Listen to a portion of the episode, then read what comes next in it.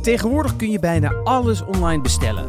Van televisies tot komkommers, van gala-jurken tot koffiebonen. In één klik besteld en vaak al binnen een paar dagen in huis.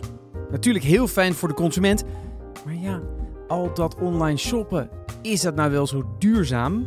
In de podcastserie E-commerce, gemaakt in opdracht van bol.com, bekijken we de huidige staat van duurzaamheid in de e-commerce. We proberen antwoord te vinden op de vraag: wat is duurzamer?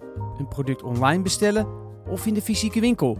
Stap voor stap lopen we de hele logistieke keten door, gaan we langs bij mensen in het veld en spreken met verschillende experts die wijzen op de duurzame uitdagingen waarvoor de hele sector staat.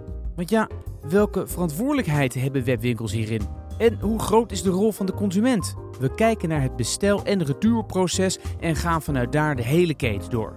Van bezorgen en verpakkingen naar opslag en magazijnen. We kijken naar de huidige systemen en gaan op zoek naar de initiatieven die deze processen kunnen verduurzamen. Want hoe duurzaam kan de e-commerce worden?